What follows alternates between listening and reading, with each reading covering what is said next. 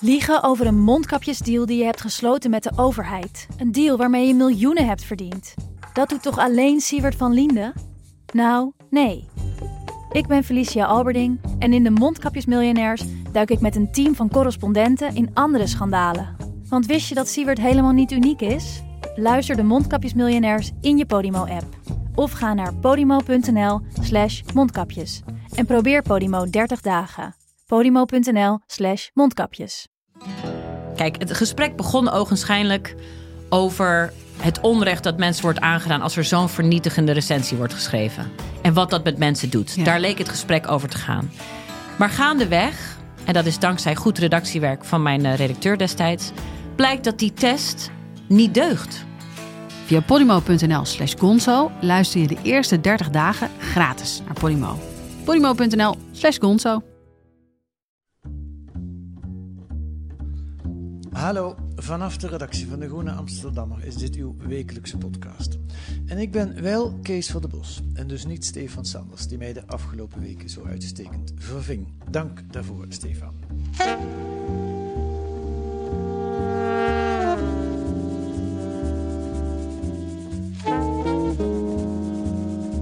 Jeroen van Bergijk is weer eens undercover gegaan. Deze keer als vrijwillig zorgmedewerker.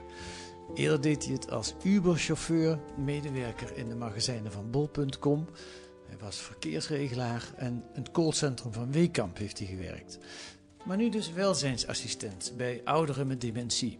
Het verslag daarvan staat deze week in De Groene. Eh, dag Jeroen, welkom in de podcast. Ja, nou, leuk iemand die zijn. Je hebt een mooie staat van dienst opgebouwd met je undercover werk. Ja, ja. Dus ja, dit is weer de volgende aflevering, zeg maar. Ja. Ja, is dat jouw. eh, eh, dat doe je sinds een paar jaar, hè, dat undercover werk? Ja, ja, klopt. Waar- waarmee begon je? Eh, de Uber.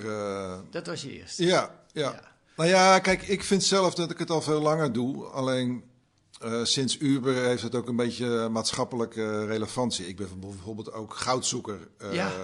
geweest in. Australië. Dat heb ik een paar maanden gedaan. Ja, was niet echt undercover, maar ik vind het altijd leuk Ik om. zie ook een goudklompje hangen om je Ja, nek. precies. Dat Heb je, klopt. heb, Ja. je, dat- heb je dat Dat heb ik zelf gevonden, ja. ja. Hoe- hoeveel hangt er nou eh, aan je nek? Ik Mm. bedoel, in geldwaarde. Nou, ik denk 300, 400 euro Ah, of zo. Dus dat is niet zo heel veel. Maar, maar serieus, was dat, beschouw je dat ook als een soort undercover eh, journalistiek? Eh, nou, participerende journalistiek vind ik een beter eh, woord. En dat vind ik leuk om het zelf, zelf te doen. Ja. Dat is ook een beetje waarom ik de journalistiek in ben gegaan. Eigenlijk om andere levens te kunnen leiden of te kunnen, te kunnen eh, bekijken. Ja, Ja. nieuwsgierig. Nieuwsgierigheid, ja. Ja. ja. Ja, dat is wel handig voor een journalist. En ik vind het dan leuk om het zelf te gaan doen, want dat, ja, dat, eh, omdat ik het leuk vind en omdat ik denk dat het betere verhalen oplevert. Maar wacht even, goud zoeken in Australië was dat geloof ik? Ja, Drie maanden. Daar kun je als journalist, eh, daar moet je wel een heel lang artikel schrijven, wil je daarvan leren. Of heel veel goud vinden natuurlijk. Ehm, dus ik heb daar een boek over geschreven. Ik heb er een radiodocumentaire eh, over gemaakt. Eh, nou, dan kan je wat subsidie aanvragen voor dat boek bijvoorbeeld. Dus nou ja, zo, zo kan je het allemaal een beetje aan elkaar knopen. Ja. ja je ziet er niet ongezond uit, dus het lukt. Nou, dank je. Ehm, laten we het over dit stuk hebben. Een Ja. bakkie doen, heet het in De Groene. Ehm, eh, mij was niet helemaal duidelijk toen ik het las of je nou meteen al begon als undercover journalist... of dat je ook gewoon de handen uit de mouwen wilde steken om de coronacrisis mee te helpen bestrijden... en dat je het daarom deed. Wat was in het begin nou jouw motivatie? Nou kijk, ik ben natuurlijk journalist. Dus eh, de, eerste eh, motivatie is altijd journalistiek. Dat, wil niet, dat neemt niet weg dat mijn journalistieke interesse was van oké... er zijn er is kennelijk heel veel mensen nodig in de zorg. Dat Ja. horen we alsmaar. Extra handen aan de zorg heet die website ook. Extra handen in de zorg, ja. Eh, waar je je aan kan aanmelden, ook als je geen enkele ervaring hebt, Ja. zoals ik. Ja. Toen dacht ik van nou, dat vind ik leuk. Eh, Ik ben benieuwd hoe dat werkt. Werkt dat überhaupt? Wat vind je leuk? Dat vind ik leuk, denk je. Wat, wat vond je leuk daaraan? Eh, ze zoeken dus mensen zonder ervaring die komen helpen in de, in de zorg. Dat wekt je nieuwsgierigheid. Dan denk ik, ah, dat kan ik, want ik heb geen ervaring en eh, ik ben gewoon heel erg benieuwd. Wie meldt zich daar dan voor aan? Wat zijn dat dan voor mensen? Hoe werkt dat dan? Hoe word je opgeleid? Of waar kom je dan terecht? Ja. En ik had natuurlijk ook de intentie om. Eh, dus ze vroegen, nou, je moet, even, je moet zoveel uur per week beschikbaar zijn voor twee maanden, of minimaal een maand of twee maanden, weet ik niet meer precies wat het was. 24 uur of Ja, zo, ja. Eh, nou, dat kan ik doen. Dat, eh, dat wil ik ook doen. Dus die twee dingen komen dan samen. Dus het was, misschien dat het daarom voor mij ook niet helemaal duidelijk was, het was ook wel degelijk allebei een beetje. Je Ja. was niet alleen journalist, Ja. je vond het ook wel aardig of nuttig. Maar ik heb altijd de intentie als ik die baantjes doe om dat, op, om dat zo goed mogelijk te doen. Hè? Dus ook bij het callcenter van Weekamp, dan wil ik ook graag de beste eh, callcenter medewerker zijn. Want ik bedoel, ik zet de boel niet, niet te draineren of zo. Ik probeer echt het braafste jongetje van de klas altijd te zijn. Omdat ik dat eh, oprecht nieuwsgierig ben naar hoe is, dat, hoe is zo'n baantje nou en hoe voelt dat om dat te doen. Oké. Ehm, en in dit geval, eh, vaak zeg ik dan, eh, dus bij Weekamp heb ik ze niet verteld dat ik journalist was. En heb ik ook, ik heb een paar voornamen, eh, dus heb ik een andere voornaam gebruikt dan, mijn, dan, mijn, dan, dan Jeroen. Ja. Maar in dit geval heb ik gewoon gezegd, ik ben Jeroen en ik ben journalist. Ja. En ik heb even niet zoveel te doen en ik wil graag komen helpen. ja, dat viel me ook op. Dat was de eerste keer dat je dat op deze open manier Ja. deed. Ja. Dat geeft ook al een beetje aan dat je niet helemaal zo geheimzinnig bezig wilde zijn als je tot nog toe was. Nou ja, ik had niet het gevoel dat er heel veel misstanden te, eh, te ontdekken waren of zo. Ik, ben, ik, eh, ik, ik denk dat zo'n verhaal meerwaarde krijgt door als je, als je het zelf doet, dat je dan veel beter inzicht krijgt in, in hoe zo'n heel proces eh, werkt. Dat is de reden dat ik dat zelf wil doen, in, in tegenstelling tot. Ik zou ook kunnen vragen, eh, gewoon opbellen en zeggen van hallo, ik ben journalist en mag ik een tijdje met jullie meedraaien. Ja. Dat doe ik ook wel eens. Dat heb ik bijvoorbeeld bij het Leger des Heils gedaan in het afgelopen eh, najaar. Ja. En dan heb ik gewoon als journalist daar eh, meegelopen. Oké.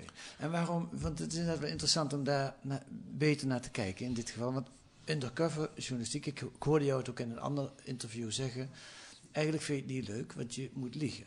Ja, dat klopt. En, en daar ben je niet zo van.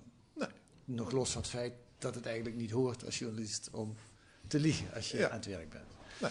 Ehm, maar dat betekent dus dat je, het, als je het dan toch doet, moet je er een reden voor hebben. Ja.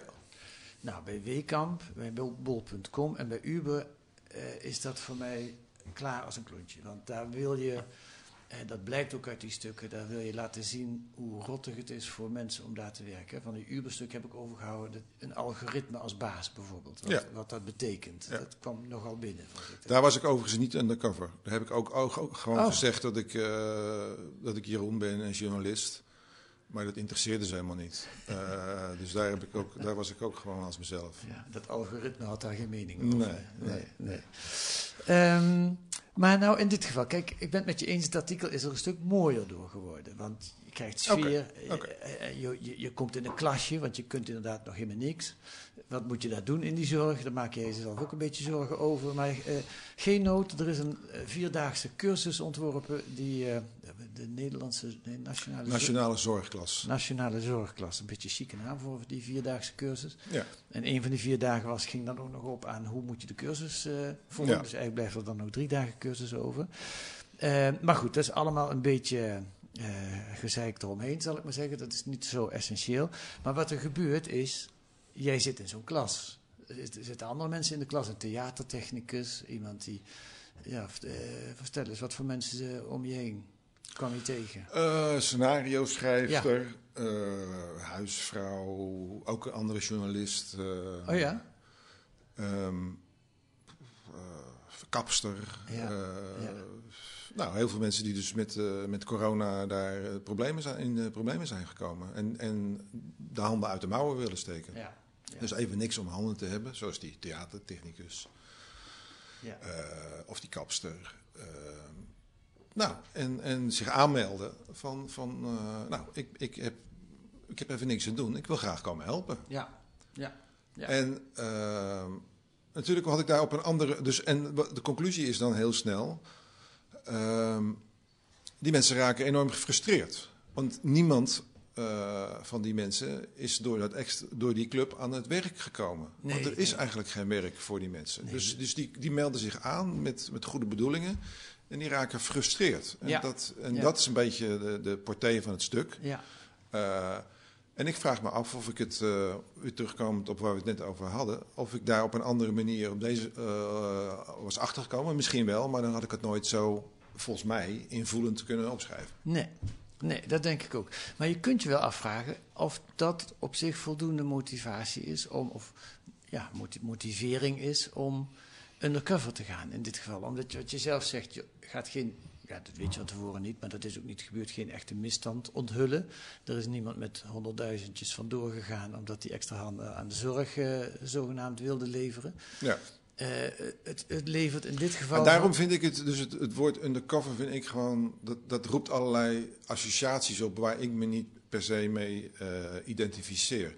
Ik vind participerende journalistiek een veel beter woord. Ik ga gewoon dat baantje doen. Eh, en ja, dan schrijf ik daar uiteindelijk ook over. Mhm. Maar het is mij bedoeld om dat baantje te doen en, en daar dan over te schrijven. Ja. Ik zie daar niet zo heel veel mis mee. Zeker in dit geval niet, als ik ook nog gewoon zeg dat ik journalist ben. En Ja.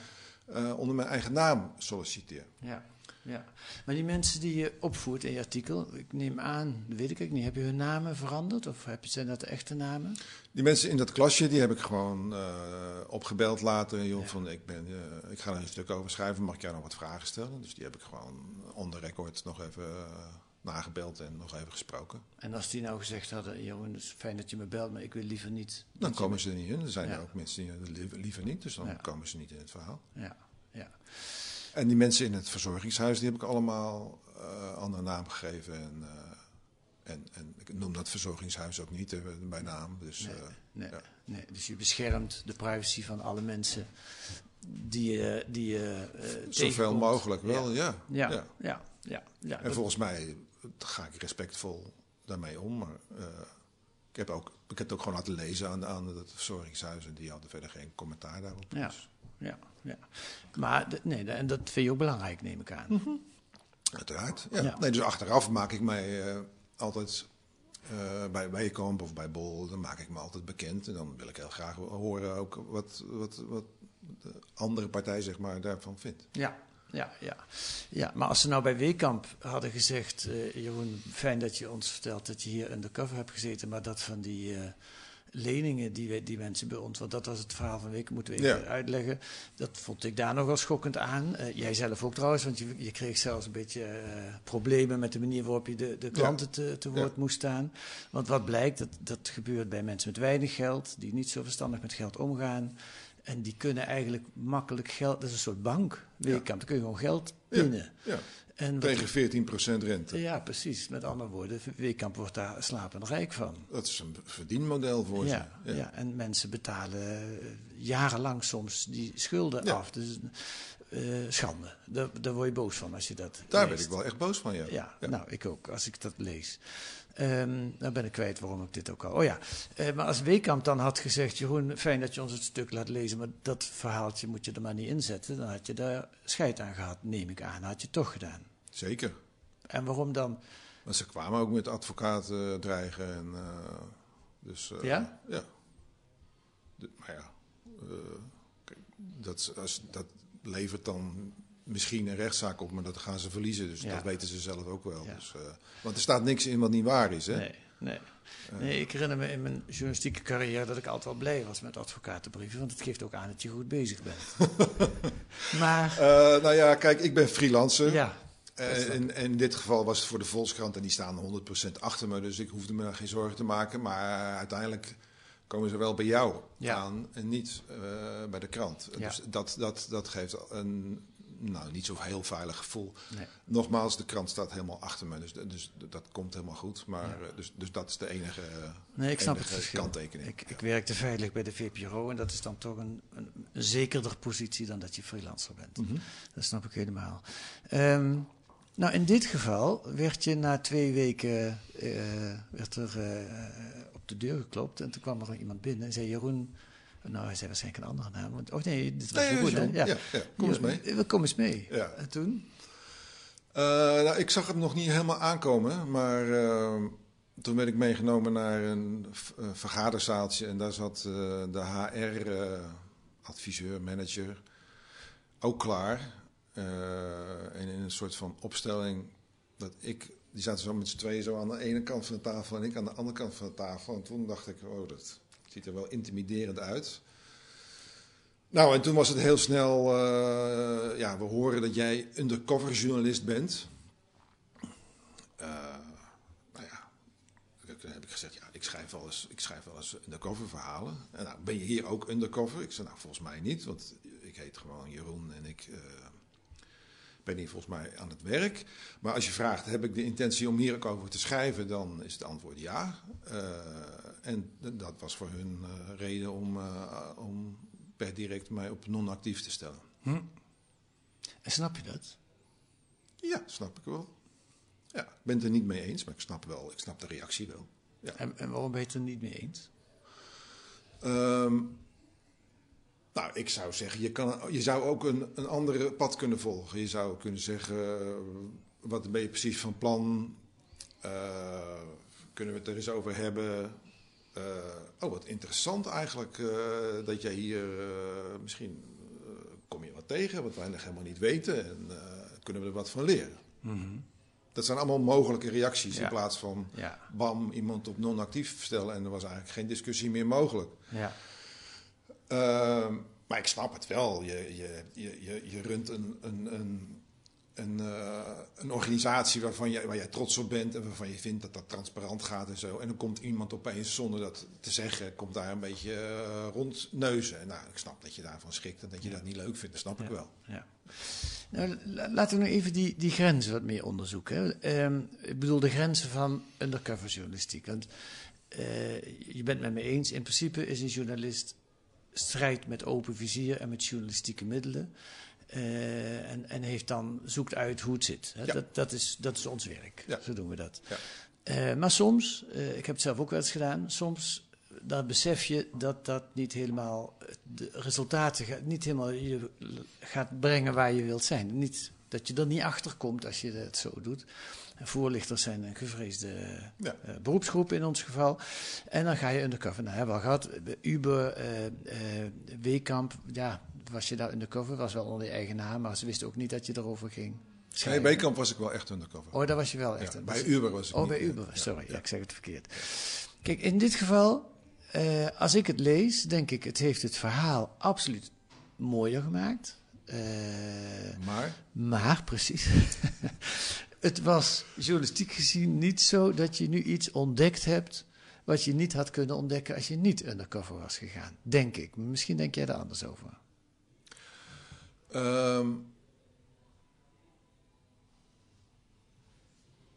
nou, als je dan kijkt naar de harde feiten, eh, niet. Maar ja, als je kijkt naar dat Weekamp-verhaal, dan heb ik dat ook natuurlijk. dan wist je, wist, eh, kon je ook weten dat mensen 14% rente betalen. Dus, het, dus het- ik, ik vind het zelf nooit dat ik dingen boven water haal die, die geheim zijn of zo. Ik, wat ik doe, is mensen een blik geven aan de onderkant van de arbeidsmarkt. Ja. Uh, hoe is het nou om de hele dag uh, op zo'n callcenter te zitten en boze mensen en, en ongelukkige mensen en huilende mensen aan de telefoon uh, te krijgen? Hoe is het nou als jij bij bol.com om vijf voor twaalf besluit dat je de volgende dag per se dat gourmetstel thuis wil hebben? Wie zit daar dan achter? Wie, doet, wie haalt dat ding uit die schappen en zorgt er dat jij, dat jij daar thuis komt? En hoeveel kilometer en, loopt die wel niet op een ja, dag? Nou, en in, zo, in, in, dit geval was ik gewoon heel benieuwd van nou, uh, we horen dat die zorg over, is overbelast. Uh, nou, ik kan niet undercover in de zorg, want ik ben, uh, ik heb geen opleiding daarvoor. Nou, dit gaf mij een mogelijkheid om dat, om dat mee te maken en voor jou, de lezer, te beschrijven hoe dat is. Ja, ja. Dat is hoe ik, en, en, dat, en dat kan alleen als je uh, niet vertelt dat je journalist bent. Want als je dat wel bent, dan krijg je de special treatment. En die wil ik juist niet. Ik nee. wil gewoon doen. Ik wil gewoon net zo behandeld worden als alle andere mensen. Ja.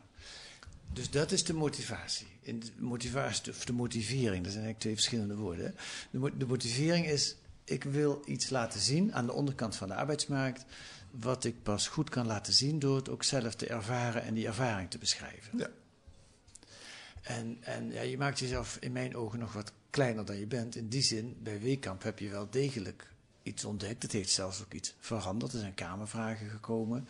Want ja, wat je bijvoorbeeld onthult is dat jij als, als medewerker aan de telefoon iemand die overduidelijk heel dom bezig is eh, door veel te veel geld te lenen bij Weekamp, mag jij daar niet over voor waarschuwen.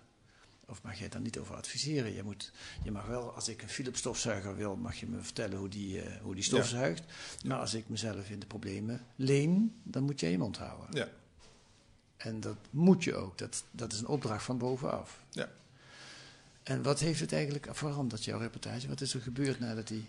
Nou, dus er zijn kamervragen gesteld over, over dat, dat wettelijk toegestane percentage van die 14 procent. Uh, en uiteindelijk heeft de minister besloten van nou, dat inderdaad als je op je spaargeld 0,03 of zoiets uh, rente, procent rente krijgt, is het wel een beetje mal als, als, als Weekamp geld uitleent en daar 14 procent rente. Dus de minister heeft dat, uh, heeft dat verlaagd, dat wettelijke percentage. Ja.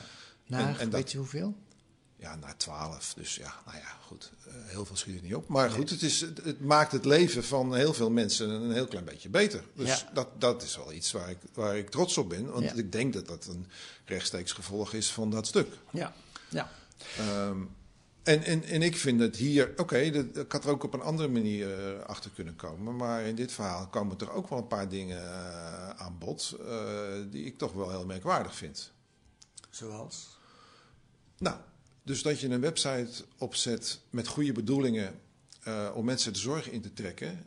En die mensen komen dan ook. En die vervolgens aan hun lot overlaat. En ja. die enorm gefrustreerd raken. Dus als je die mensen voor de zorg gaat kunnen interesseren, dan heb je dat wel mooi verprutst op deze manier. Ja. Dat is één. Uh, dat er heel veel geld, 80 miljoen, is uitgetrokken om coronabanen te creëren. Dus, dus banen in de zorg voor mensen die niks kunnen, zoals ik. Uh, om een beetje uh, te helpen. Uh, en dat dan dus blijkt dat daar eigenlijk helemaal niet zo heel veel behoefte is aan, bij zorginstellingen nee. aan, dat, aan die banen. Want dat geld is helemaal niet, is nog geen eens voor de helft opgemaakt. Nee, maar die zorginstellingen, even voor de duidelijkheid, die kunnen gratis jou of u ja. dan ook in dienst nemen. Dat betaalt de overheid. Ja. En dat heet dan coronabaan. Ja, dat is een, tijdelijke baan. Ja. En, die, ja. en dat geld wordt gewoon niet opgemaakt. Nee. Dus, dus, dus ja, ja wat, je, wat je vooral. Nee, ga door. Je was aan het opzommen wat, wat je aantoont in dit stuk. Um, nou, dus dat, dat, allemaal goede bedoelingen, maar, ja. het, maar, het, maar het werkt voor, uh, het werkt voor gemeter. Nee. Uh, nee. Nou, en, en dat uh, natuurlijk. Ik, ik, ga, ik ga er niet in met het idee, oh dat werkt allemaal niet. Ik nee. ga er gewoon in met van, hé, hey, hoe zou dat zijn? Ja. Nou, dan ga ik dat klasje doen, wat allemaal niet zoveel voorstelt, maar goed, dat snap ik. Ja. En allemaal andere mensen die allemaal heel super gemotiveerd zijn. Uh, om mensen die zo gemotiveerd waren om aan de slag te gaan. Nou, en dan bel je ze een paar maanden later op allemaal. En iedereen is gewoon echt gefrustreerd hierover. Nou, en dat geldt niet alleen voor dat klasje van mij. Maar als je naar die cijfers kijkt, dan Ja. dus het blijkt dat dat dus gewoon echt heel breed te zijn. Ja. Over mensen die gewoon, ja, nodig die mensen dan ook niet uit. En dat bovendien is daarvoor gewaarschuwd. Ja. Uh, met een rapport van, van, van meneer Terpstra, die Ja. daar al voor waarschuwde. En dan blijkt dus dat er gewoon helemaal niks verandert. Nou, Ja, ik dat- kom daar allemaal op door het zelf te gaan doen. Ja, ja, ja. Ehm, heb je een voorbeeld? Ik bedoel, wie is jouw held in deze? Nou, mijn, mijn voorbeeld is uh, Barbara Ehrenreich. Die heeft uh, volgens mij twee jaar geleden of zo de Erasmusprijs uh, gekregen. Ja, van Willem-Alexander, daar was ik bij. Ja. Toen donderden ze nog van de Ja, spreekstoel. precies. Was jij er ook bij? Ja, eh, ja. ja. In het paleis, keurige bijeenkomst. Ja. Dat was wel leuk. Nou, dat mag ik vast niet vertellen. Dat weet ik niet, anders knip ik het er wel uit. Vertel het gewoon. Of wat mag je niet vertellen? Nou, dat ik bij de koning werd geroepen. Volgens mij word je niet geacht dat te vertellen, toch? Ja, je wordt niet geacht te vertellen wat hij tegen jou gezegd heeft. Maar dat, dus, Nee, dus dan houdt het we verhaal misschien ook op. Ja, precies. Want dan- nou, nou, Dus undercover bij het Koningshuis zit er niet meer in, begrijp ik. eh, nou, dat zou wel, dat zou wel heel gaaf zijn. Eh, Barbara Ehrenreich, dat Ja. is mijn voorbeeld. Ja. Ehm, Ja. Die gaat nog een stapje verder dan ik, want die gaat eh, ergens naartoe, een stad in Amerika, eh, zonder geld. En dan probeert ze daar een baantje te krijgen, eh, weet ik veel, als schoonmaker of zo. En dan probeert ze ook van dat, dat geld wat ze dan verdient, een huis te huren of een motelkamer te huren. En dan probeert ze echt te leven van dat geld. En dan Ja. toont ze aan hoe verschrikkelijk moeilijk dat is dat je een werk hebt en een huis moet vinden. En van je, van je, nou ja, dus dat het gewoon eigenlijk godsonmogelijk is om in Amerika van minimumloon Ja. eh, te doen. En zover ga ik eh, nooit. Ik, bedoel, ik woon gewoon lekker thuis in mijn eigen veilige huisje en ik ga naar dat baantje en dan kom ik gewoon weer terug. Eh, nou, dus dat is ook undercover, eh, kan je noemen. Maar ik vind dus dat je, dat je daarmee, door dat te doen, ja, dan voel je het echt hoe Ja. on- onmogelijk, wat een onmogelijke situatie die mensen zitten. Nou, dat is een beetje wat ik natuurlijk ook beoog om Ja. dat te laten eh, aan mensen die dat misschien niet weten, eh, lezers van de Volkskrant of de Groene, hoe dat is om, om in dat soort eh, baantjes te functioneren, hoe, dat- hoe dat nou is. Ja. Dat is mijn doel. Je bent een idealist. Ook, of niet? Nou, ik vind het. nou, als, als dat idealisme is, dan ben ik idealist, ja. Nou ja, idealist in de zin van je bent, je voelt, je bent betrokken bij mensen aan de onderkant van de arbeidsmarkt, aan de onderkant van de samenleving en je wil hun lot laten zien Ja, aan ons. ja, En zelf ook zien en meemaken. ja. Heb je het idee ook, Ik vind het ook leuk om te doen, hè. En ik, en ik ben altijd heel nieuwsgierig. Dus het is niet een soort van... eh, je bent geen heilige. Nee, je hebt, geen, eh, geen- je hebt een klomp goud. en ik kan altijd weer weg. Ja. En dus ik na een maand of twee maanden of drie maanden ogen uit ben ik weer weg. ja, dat is het verschil met die mensen die daar moeten werken. Ja. Ja, ja, ja, ja. Ben je er ook door Barbara Ehrenreichs werk opgekomen? Of wie, wie, wie heeft je geïnspireerd om dit zo te aan te... Want je doet dit... Ja, jij noemt het... Nee, ja, dat is natuurlijk dat goud eh, zoeken in Australië hoort er ook al bij. Wanneer... eh, nou nee, eh, niet alle vragen tegelijk. Is Nee. Dat leer je op de cursus. Ja. Ben je er door Barbara Ehrenreich opgekomen? Nee, want ik deed het volgens mij al. Maar wat ik door haar wel heb eh, bedacht is van... oké, maar je moet het gewoon wat maatschappelijk relevanter maken, wa- wat je doet. Want of jij nou gaat goud zoeken in Australië, ja of nee... dat is een leuk verhaal, maar dat, dat verandert verder niks. Of dat Ja, boeit. Ja, is dat, avontuur eigenlijk. Het is eigenlijk meer een avontuur. Eh, en ik ben meer van dat... Ik ben ook met een Mercedes naar Afrika gereden om daar te verkopen. En Ja, dat soort dingen deed ik ook een allemaal boek over vro- geschreven. vroeger toen ik jong was. Maar eh, ik zoek het nu dichter bij huis. En eh, ik, ik probeer een beetje de onderwerpen te zoeken die, die maatschappelijk relevant zijn. Dus dat, dat is wel wat ik van haar heb geleerd. Je bent serieuzer geworden. Ja. Je zegt het met enige. Alsof dat eh, niet mag. Nou, ja, nee, dat is, het is een eh, constatering van jou die wel klopt, maar waar ik nog niet zo bij haar stil had gestaan. Nee. Of zo. Nee. nee. Ehm, heb je nog meer projecten op stapel staan? Ehm, nou, ik heb een, een verhaal wat eh, binnenkort in de Volkskrant eh, verschijnt. Mag je al zeggen wat het is of niet? Ja, weet ik eigenlijk niet zo goed. Nou, ik ook niet. Het is niet van de koning, maar. Nee. Eh, nou, ik, dus ik kan er wel iets over zeggen. Ja. Afgelopen jaar waren, was er geen sector die het zo goed deed als eh, webwinkels, e-commerce. Eh, dat ging natuurlijk helemaal eh, door het dak heen, want iedereen begon online te kopen. En toen dacht ik van, oké, maar dat zijn allemaal die grote jongens die daar geld aan verdienen. Zou jij als kleine krabbelaar daar ook een centje van kunnen meepikken? Als jij zelf een webwinkeltje gaat beginnen. Dat is het uitgangspunt van het verhaal. Je maakt me nieuwsgierig. Wat heb je verkocht? Ja, dat laat ik nog even in het midden. Oké, en wanneer gaan we dat lezen in de Volkskrant? Eén deze dagen. Oké, oké. Hey, en dan nog even tot slot, want dat vind ik toch wel een interessante ontwikkeling, dat serieuzer worden. Eh, hoe komt dat eigenlijk? Waar heeft het mee te maken? Poeh. Is dat gewoon ouder worden? Ik denk het, ja. ja. En, en, en je hebt nog zo'n 10, 15 jaar in die journalistiek te gaan. Nou ja, je kunt ook net als ik naar je pensioen doorgaan, dan heb je nog veel langer te Ik gaan. hoop het wel. Ja, Ja. ja. maar eh, wordt het, wordt het, blijft het op deze serieuze lijn? Blijf je op dit... Nou, ik denk dat, dat, dat undercover werk wel, een- wel eh, een houdbaarheidsdatum eh, zit. Ehm, Onderwijl horen wij op de achtergrond. ja, het, het begint hard te regenen. Oh, is dat het? Oké. Nou, of zijn ze aan het werk? Nou ja, maar, het, is luid, het is goed te verstaan, dus ga door. Ehm, ik had het nu al, hè, dat ik herkend, dus in dat Ja. verzorgingsteam, dat ik herkend werd. Ja. Eh, dat is waardoor ik eh, tegen de lamp liep, tussen Ja. aanhalingstekens. Ja. Ehm, dus ik denk dat dat een houdbaarheidsdatum heeft, dat dat gewoon een keer eh, voorbij is. Ja, maar... Maar, maar wel, ja, de, de onderwerpen zoeken. In de New Yorker hebben ze een naam voor de reporter at large. Dat vind ik echt een hele mooie eh, titel. Dus Ja, die- de verslaggever die heel lang ergens in kan duiken en zo'n verhaal helemaal. uit het- dat, is, dat, is mijn, dat is mijn droom. Oké, oh, ik kende die term wel, maar ik wist eigenlijk niet precies wat het betekende. Dus, het, dus dat is niet helemaal hetzelfde als onderzoeksjournalist? Nee, dat is meer iemand die, die verslag doet van een, de- bijvoorbeeld. Deze week stond er een verhaal in over UFO's in de New Yorker. Ja.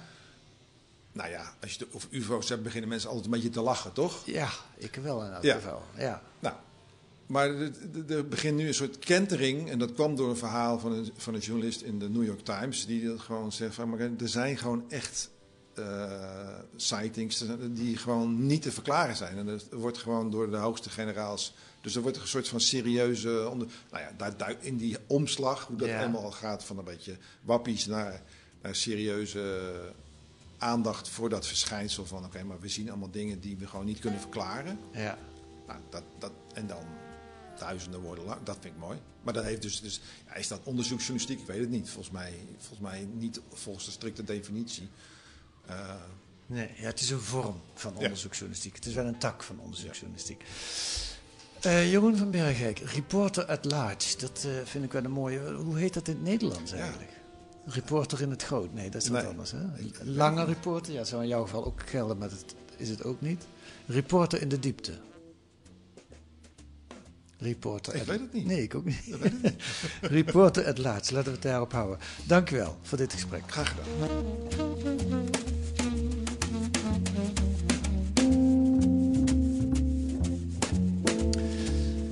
Eh, dat is dus deze week te lezen in De Groene. Even een bakkie doen met Jeroen van Bergijk.